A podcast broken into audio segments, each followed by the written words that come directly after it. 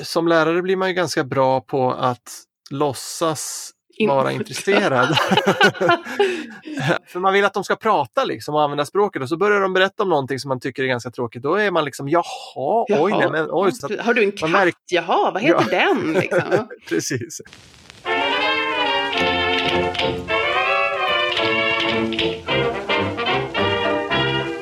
Lisande lagom. Välkomna till ett nytt avsnitt av Lysande lagom med mig, Emil Molander. Och Sofie Tegsveden Duvå. Min fråga till dig, Emil, idag är vad, vad gör du egentligen på jobbet? Ja, det, det har jag frågat mig själv många gånger också. ja, jag försöker få folk att lära sig svenska. Det jag säger till mina barn när de frågar det, det är ju att jag hjälper folk att lära sig svenska. Mm.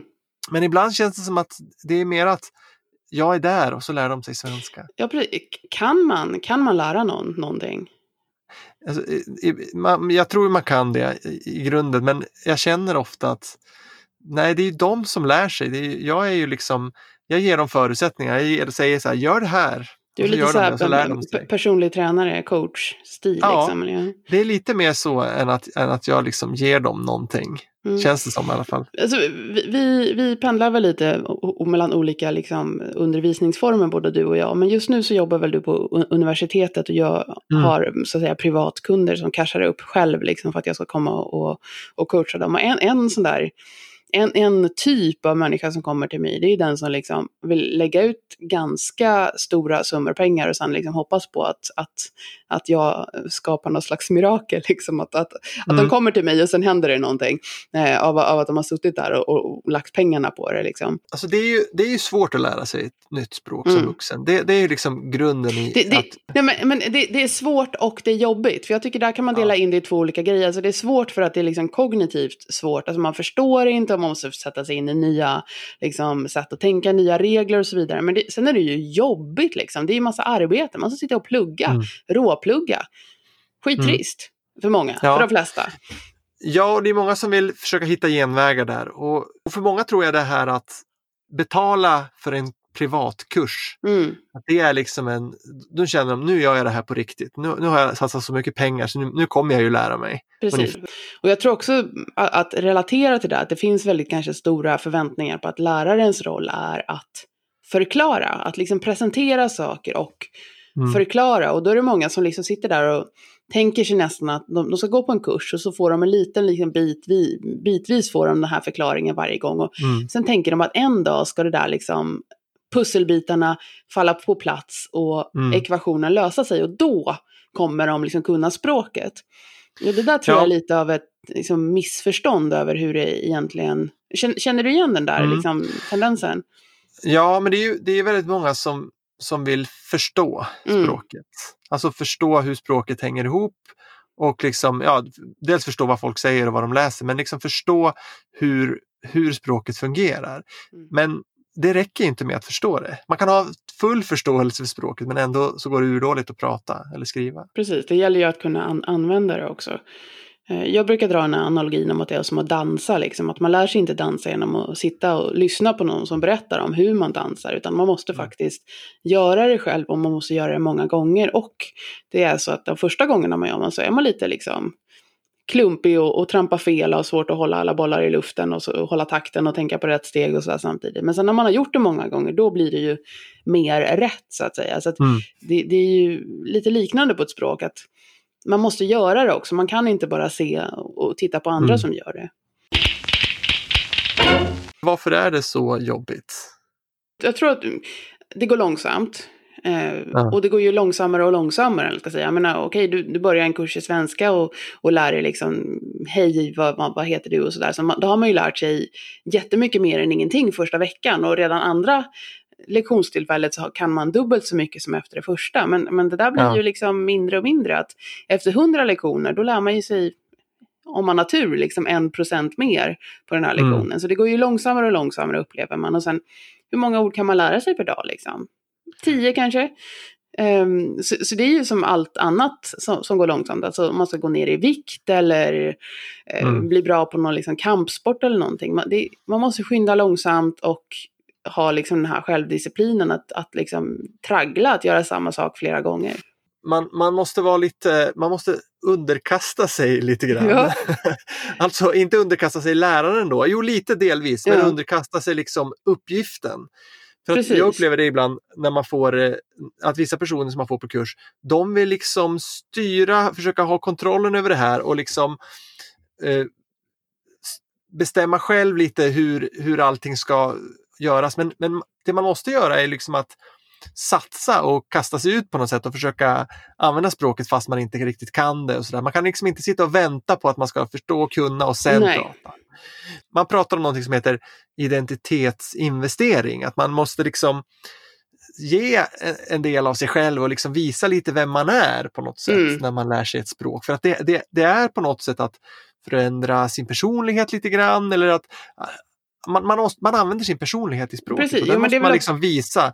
Så, så, så, det är ju svårt för vissa. Man vill liksom hålla full kontroll. Ja, och det kan ju vara så att man är en väldigt rolig person eller en väldigt vältalig person eller en väldigt liksom, artig person på sitt eget språk. Och, det där tappar man ju direkt liksom, när man mm. ger sig in i ett nytt. Sen tycker jag man behöver vara självkritisk också, eller lagom självkritisk. Det, det finns de som är alltför självkritiska och de har väldigt svårt att, att liksom, gå vidare så att säga och tendera att fastna i liksom, grammatik eller någonting men inte liksom, våga prata. Men det värsta det är ju de, de som liksom, tycker att de är jättebra. De, mm. de, de, har ju liksom inte förmågan att se när det inte funkar utan vill liksom fortsätta spåret rakt fram.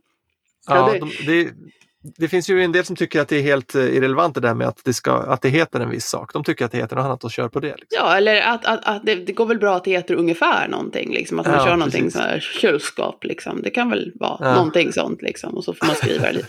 För, för ganska många år sedan, jag jobbade på, som, inom eh, folkbildningen på ett studieförbund. Och där hade jag en kurs och så var det en, en person i den här kursen som var väldigt sådär eh, vad kallar man den, stöddig. Han tyckte väldigt mycket om sig själv. Han var väldigt, det var en man, eh, mm. eh, övertygad om sin egen förträfflighet. Och han hade liksom någon slags så här själv, alltså han, han, han hade en så stor liksom karisma och tog så stor plats i gruppen att, att han liksom lyckades övertyga på något sätt de andra i gruppen då att det var han som hade mm. rätt och att jag hade fel i vissa frågor.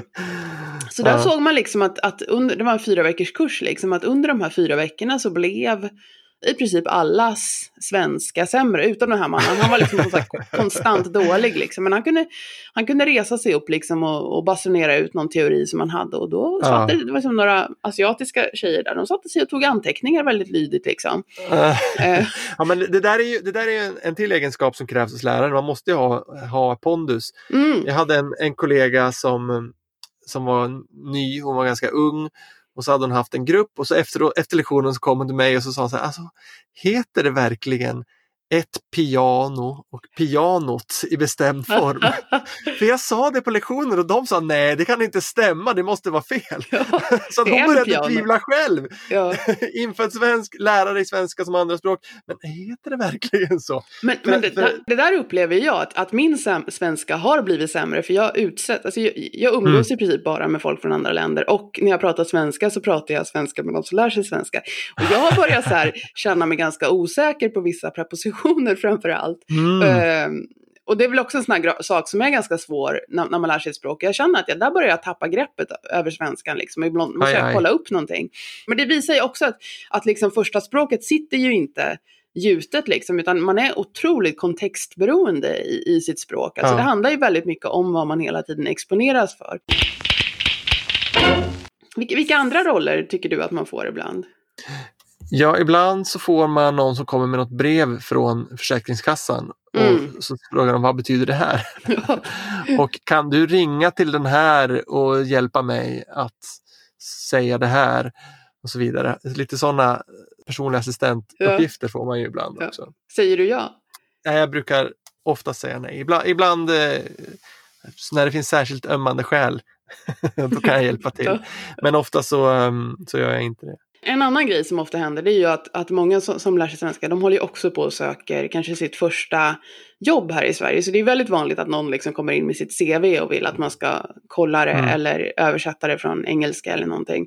Och det där brukar jag vara väldigt skeptisk mot för det är ju det att översätta ett CV är ju inte någonting som tar fem minuter utan det är kanske ett liksom mm. fler, fler timmars jobb och samma sak att rätta det och sådär.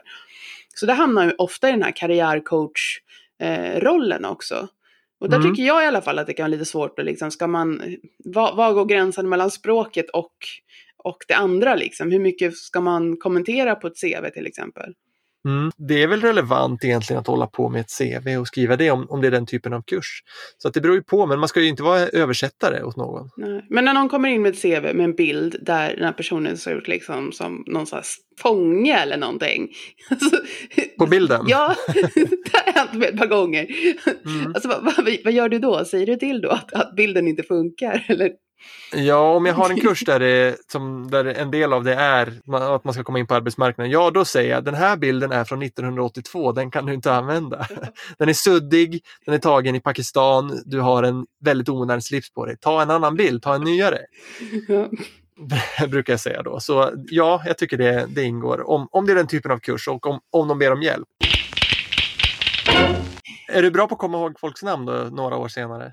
Jag är väldigt bra på att komma ihåg ansikten men inte namn. Så jag kan bli det här liksom, du. Och ja. sen har jag ett fantastiskt minne för um, Alltså det rumsliga, så jag, kan, jag kommer ihåg exakt i vilket rum, vilken plats, eh, mm. vilken stol och sådana saker. Eh, så ja. jag brukar vända det till det. Ja, men du var den här som satt nere i fönstret i det här rummet på tredje våningen. liksom. det finns ju en uppfattning i samhället i stort tror jag och även bland många kursdeltagare.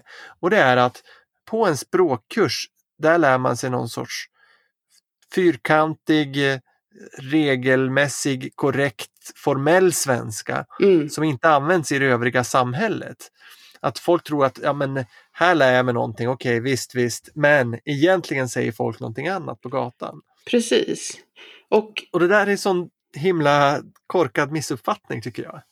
Ja, och, och tillsammans med det kommer ju också det där liksom att, att, att om de fattar att man lär dem riktig, normal, liksom, förekommande svenska, då blir folk lite liksom provocerade eller besvikna. Mm. Att, nej men vadå, det där ska ni väl inte lära dem liksom.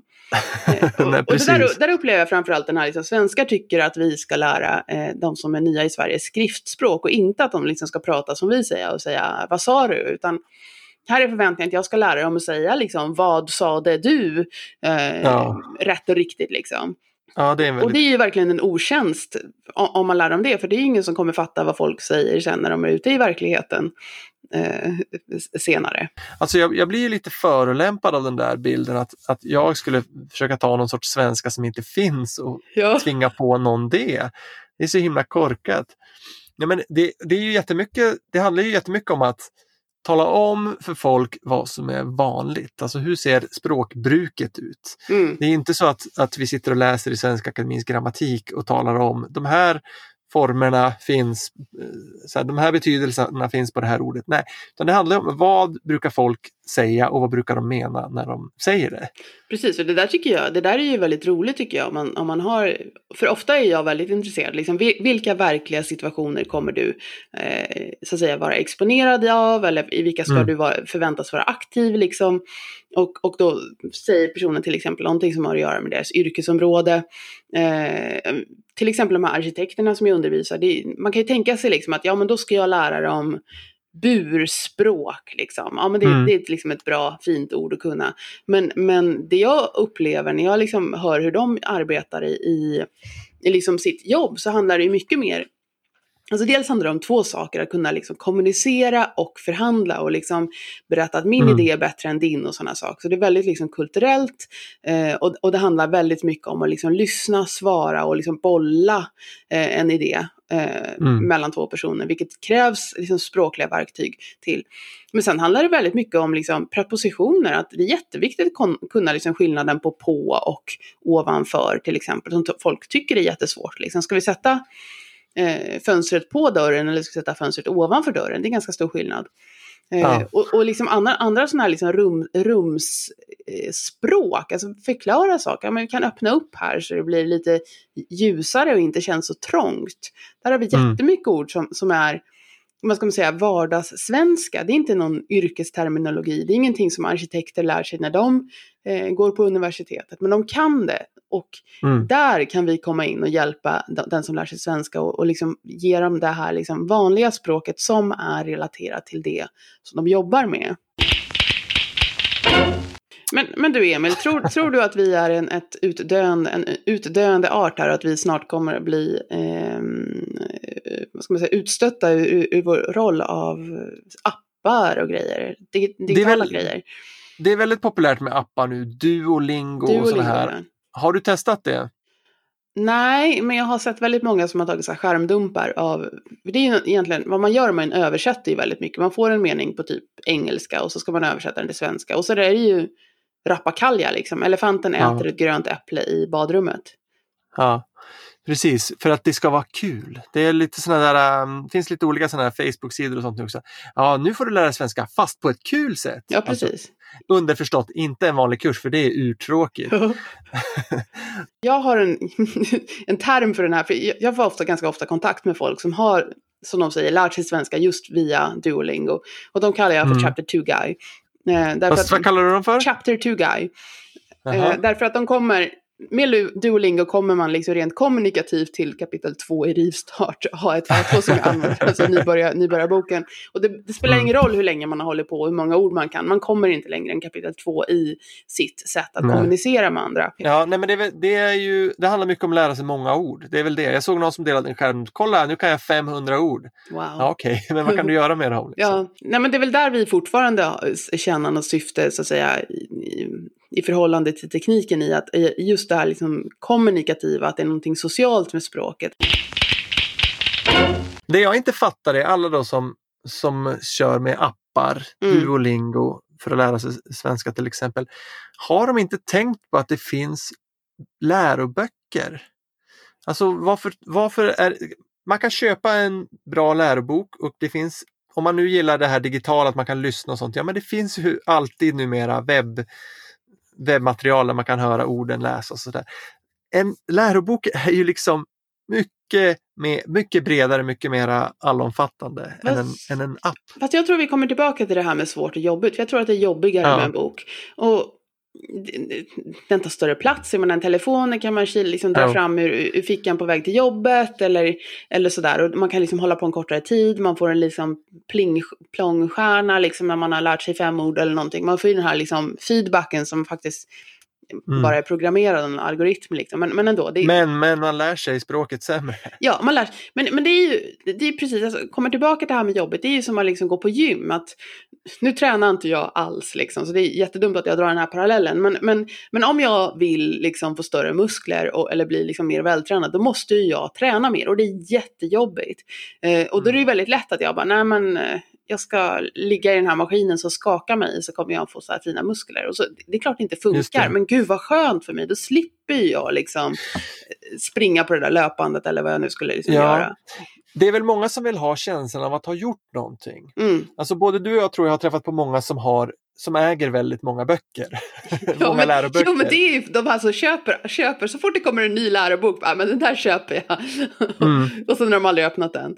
Eller de öppnar första Nej. sidan man bläddrar lite i den och sen så, ja, men man har den. För har man köpt den då har man gjort någonting, man har mm. tagit ett steg. Det är ju svårt. Sen så när man säger lättja sådär, det låter ju som att det är enbart det som hindrar folk från att lära sig svenska. Sen så, de som vi pratar om nu är ju oftast sådana som är akademiker som har mm. flyttat mm. hit för att de har fått ett jobb till exempel. Eh, det är klart det är många som, om man kommer hit och inte känner någon, man har ett språk som har ett helt annat alfabet eller inte alls har några likheter med svenska, man kan inte läsa och skriva. Ja, då är man i en helt annan situation. Då, är det, då är det, räcker det inte bara kanske att man, att man inte är lat. Nej, och sen, sen kanske vad ska jag säga, jag dömer ingen för att, de är la, för att den personen är lat. Det, det, jag, menar, jag tror det är också väldigt viktigt att kunna sätta fingret. Visst, anledningen till att någonting inte händer här, det är att du är lat. Men det är inget, det är inget konstigt att vara lat, det är mänskligt att vara lat. Jag är också jättelat. Jag, jag tror inte jag känner en enda människa som inte liksom är lat när det kommer till någonting. Men, men jag tror också det handlar om att kunna säga så här, du gör så här därför att du är lat.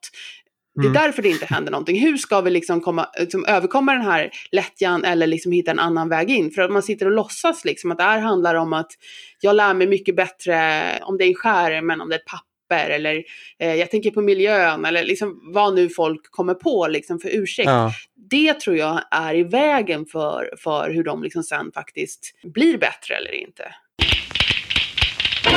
Det har väl varit lite aktuellt i, i media av och till och, och, och liksom blossar upp då och då att, att eh, de här invandrarna som kommer till Sverige inte, inte lär sig svenska för att de inte, inte vill eller inte eh, mm. anstränger sig tillräckligt. Och, så. och då, då är det ju också den här lättjan, eh, kanske som man liksom, som man, som man tar som anledning ja. till att, att många inte integreras i samhället och man, man tycker liksom att det här ska man nästan hota sig eh, fram till att liksom hota med någon språkprov eller nu skulle de ta bort tolkarna inom sjukvården och sådär. Eh, ja. men, men det är ju faktiskt fler faktorer än det här lätt som man kallar, kallar lättja eller brist på motivation också. Det är ju framförallt praktiska saker. Alltså, har, man, har man tillgång till till en app eller en lärobok till att börja med, eller en kurs. Det är ju liksom, vad ska man säga, första grejen. Har man tillgång till det på en tid där man själv är tillgänglig, på en plats där man själv är tillgänglig. Vad får man för typ av kurs? Mm. Alltså det, det finns ju jättebra SFI-utbildningar runt om i landet, men det finns väldigt stora problem också på väldigt många håll. SFI är den skolform som har flest obehöriga lärare. Det är bara fyra av tio som är behöriga. Mm. Och då ska jag säga att behörig, för behörighet krävs bara en termin i svenska som andraspråk. Ja. att man ska lära. Sen kan man säga, Så en termin i det ämnet och det är väldigt många som inte ens har det. Sen finns det bra obehöriga lärare också. Det, det, det är, inte, det är inte säkert att, men det, det, är inte heller en, vad ska man säga, garanti för att någonting funkar eller inte. Men, men vad, vad det kanske visar på är att, att det är väl inte särskilt attraktivt att jobba inom SFI kanske. Nej, alltså det har mm. skurits ner väldigt mycket. Man får arbeta väldigt många timmar. Mm. Man får eh, liksom, dåliga förutsättningar. Man får kanske inte läromedel mm. för det är för dyrt. Och sen för den som hamnar i en grupp där det är, sitter väldigt många människor som inte har någon studievana. Man har ingen studievana själv. Man vet inte riktigt vad det innebär att göra läxor. Eh, och så får man en lärare som är oerfaren och outbildad och eh, det kommer nya elever i din klass varje vecka eller varannan mm. vecka som inte kan någonting. Så att det börjar om från noll hela tiden på, på något sätt. Och så ska man sitta där och allt ska vara individualiserat. Ja, då får man sitta med sin lilla app. Ja, precis. Och då kanske det inte hjälper så mycket att, att man liksom hotas med då att, att, att, det där, att, det, att det kommer ett prov eller någonting senare. Att, att, att, det, är liksom inte där, det är inte där skon klämmer, utan det handlar ju kanske mer om liksom kvaliteten på eh, undervisningen. Och... Det måste ges resurser till, till SFI-utbildningarna, det är det som har skurits ner. Och det är, jag är jätteupprörd över det där. Alltså systemet är riggat, det är svårt att lära sig svenska om man hamnar i en väldigt dålig kurs. Det är svårt. Och sen kommer någon och säger, ja om du inte lär dig nu då, då, jävlar. Då får du betala själv om du ska ha en tolk när du blir sjuk. Och det är svårt att lära sig svenska även om kursen är bra. Eller vad man ska säga. Alltså det, lär, dig själv ett nytt språk i, i vuxen ålder. Och det, det, tar, det tar mm kraft och det tar massa tid. Och, det, och som du sagt, om man inte har en vana av att liksom göra läxor och studera själv. Det kanske man kanske kommer hem och vill studera, men det är liksom stor familj. Eh, det är rörigt hemma, man kanske har liksom jättestort ansvar i hushållet och sådär. Alltså det, jag tycker absolut att, att folk ska få chansen att lära sig svenska och de, jag tror att de flesta vill lära sig svenska.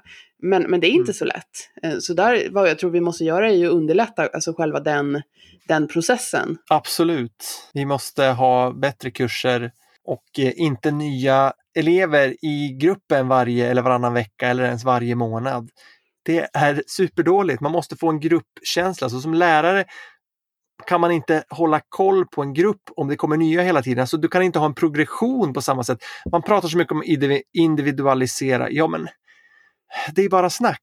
Alltså det går inte att in, ha 30 individuella pågående kurser samtidigt i samma klassrum. Nej, jag tror, jag tror att det som saknas är väl, väl struktur. För det, det är väl det tror jag också är en stor missuppfattning bland många svenskar. Ja, men det handlar väl om att komma ut där och liksom lära sig svenska. Får du bara ett jobb så liksom kommer du snacka jättebra mm. svenska sen. Alltså, men det är ju precis det man behöver från en kurs. Det är strukturen, att börja från början och sen liksom ta en sak i taget och få liksom ett allt mer komplext språk med tiden. Så det där är ju liksom väldigt linjär process som jag tror många liksom totalt mm. underskattar behovet av. Så är det. Mer kurser, mer kurser åt folket. Ja. Jag säger ofta till de som går på mina kurser att um, lyssna inte på era svenska vänner nej, och nej, partners precis. när det gäller språk, språkregler. Nej. För de har nästan alltid fel. Mm. jag hade någon som kom, vi hade pratat om när man ska använda preteritum och när man ska använda perfekt. Alltså när säger man jag läste och när säger man jag har läst. Och då var det, hade vi gått igenom det, pratade om det och sen så nästa dag så kom eh, min kursdeltagare tillbaka och så sa hon, ja fast mina kompisar de säger att man säger läste när det var länge sedan och har läst när det var alldeles nyss. Så bara, nej, det stämmer inte. Jo, jo, de säger att det är så. De har, ja, okej, okay, men det, det är ju helt fel. För att folk har en massa idéer om hur språket funkar och så har de tänkt ut någonting utifrån något enda exempel som är något jättekonstigt. Och det blir alltid fel. Så jag brukar säga, trust me. Lita på mig. Jag vet vad jag håller på med. Jag kan sånt här. Din kompis där hemma kan inte, utan har bara tagit något ur luften. Lyssna på Emil. ja. Det var allt för det här avsnittet och för den här minisäsongen av Lysande lagom. Hör gärna av er till oss på podd.lysförlag.com och titta gärna på vår hemsida lysförlag.com. Och läs våra väldigt, böcker. Läs våra böcker. Vi har väldigt fina läroböcker där som man kan använda då om man vill eh, hjälpa någon att lära sig svenska. Emil Molander heter jag. Sofie Tegsven Tack för att ni har lyssnat. Hej då.